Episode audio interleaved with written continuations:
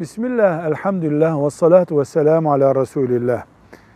Eski zamanda yaşamış Allah dostları bildiğimiz insanlar için, bilhassa alimler ve sufiler, meşayih için şu ifadeler kullanılır. Kaddesallahu sirrahu, kuddise sirruhu, kaddesallahu ruhahu, kuddise ruhuhu ifadeler kullanılır. Kaddesallahu ruhahu, kaddesallahu sirrahu daha yaygın kullanılır. Bu duadır. Anlamı da Allah onu tertemiz kılsın. Günahlarını mağfiret buyursun.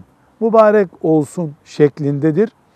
Eski alim, meşayih insanlar için kullanılan bir dua çeşididir. İfade olarak da ashab-ı kiram dönemine ait değil, daha sonraki dönemlerde yaygın kullanılan bir ifadedir. Velhamdülillahi Rabbil Alemin.